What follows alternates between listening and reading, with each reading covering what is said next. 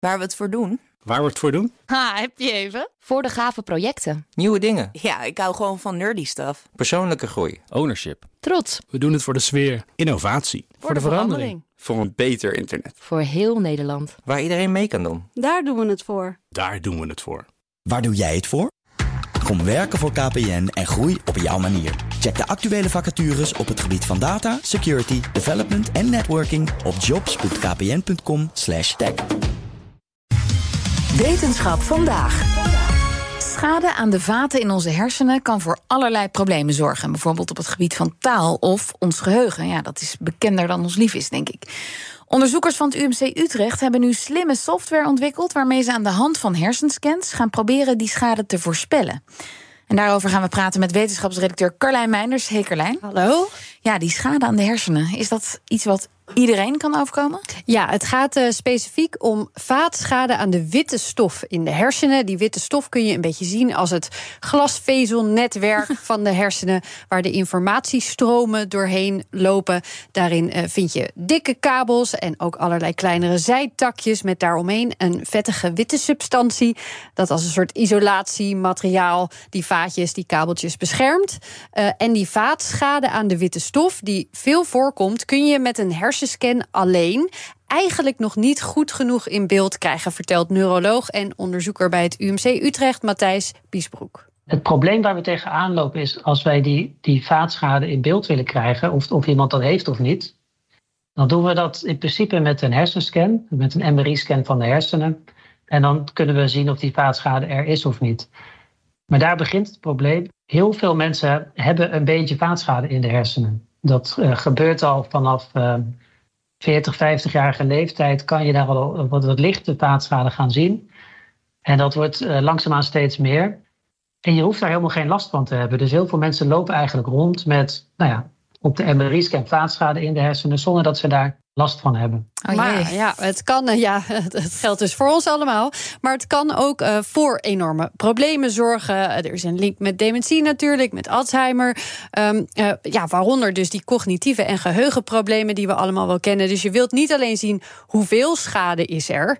Je wilt ook zien wat is de kans dat deze specifieke schade voor problemen gaat zorgen. Dat kan ik me voorstellen. En, en waarom lukte dat nog met zo'n scan niet? Nou, je wilt uh, uit zo'n scan eigenlijk ook halen. Dus waar zit de schade? Zit die schade in belangrijke gebieden, in belangrijke informatiebanen.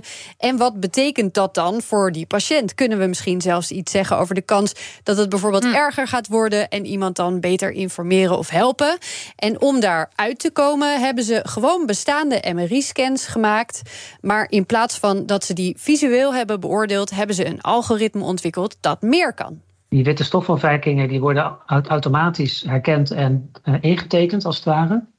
Vervolgens wordt de, de hersenscan van die persoon die wordt geregistreerd naar een standaard ruimte. Dus dat wil zeggen dat nou, sommige mensen hebben een iets groter uh, hoofd, andere mensen iets kleiner. En de vorm is natuurlijk voor iedereen weer anders. Dus we vervormen dat beeld zo dat het allemaal precies uh, over elkaar heen te leggen is. En dan kun je analyses gaan doen en de plek waar de schade zit koppelen aan hoe het met iemand is. En dan lag de focus in dit geval op 20 van die belangrijke informatiebanen. Niet alle zijweggetjes in alle hersengebieden dus. En dat moet ook helpen om het eenvoudig genoeg te houden om het straks in de praktijk goed te kunnen gebruiken. En, en wat hopen ze dan precies wat hiermee mogelijk wordt? Neuroloog in opleiding en promovenda Meerte Koenen vertelt meer over het uiteindelijke doel. We hopen dat we uiteindelijk die uh, vaatschade kunnen optellen tot een bepaalde score. En dat we dan iets kunnen zeggen over uh, de cognitieve functies van een specifieke patiënt. En dan is de uiteindelijke vraag. Kunnen we ook cognitieve klachten in de toekomst voorspellen op basis van de vaatschade die we nu zien? En dan zou dat er zo uitzien dat je vrijwel tegelijk met je MRI-scan een score uit dat model krijgt. Waarmee je dus iets kunt zeggen over wat er aan de hand is. En over verloop, over het te verwachten ziektebeeld. En wat moet er nog gebeuren voordat dat kan? Uh, heel veel daarvan zit hem in praktische dingen. Bijvoorbeeld, hoe krijg je de scan zo dat je hem goed over dat model heen kan leggen? Hoe richt je het zo in dat het makkelijk overal ter wereld gebruikt kan worden? Maar ook, hoe krijg je dat model nog beter? Door bijvoorbeeld ook naar zoveel mogelijk mensen te kijken met misschien wel schade, maar zonder die cognitieve klachten zonder geheugenproblemen. En daar zijn ze nu mee bezig, waarbij ze kijken naar ongeveer 15.000 gezonde mensen. En hebben ze voor het maken van het model zoals het nu is ook zoveel mensen onderzocht? Da- ja, dat is wel het mooie van het onderzoek. Niet 15.000, maar ze hadden scans van 3500 patiënten. Dat is een hele grote groep voor zoiets. Die zich dus met klachten op geheugenpolies hebben gemeld. En dat is gelukt door een groot internationaal consortium op te richten en de data te bundelen eigenlijk met z'n allen. Koenen is jaren bezig geweest om die data van al die verschillende partijen zo te krijgen dat er überhaupt één model Ah, ja. van te maken was. Maar in die enorme stapel data, die dus alleen maar gaat groeien, nog zit ook de kracht van het model. Dat er dus hopelijk voor zorgt dat we over niet al te lange tijd met één scan cognitieve problemen kunnen gaan voorspellen. Dankjewel, Carlijn Meinders. Wetenschap vandaag is mede mogelijk gemaakt door Brightlands. Knowledge Crossing Borders.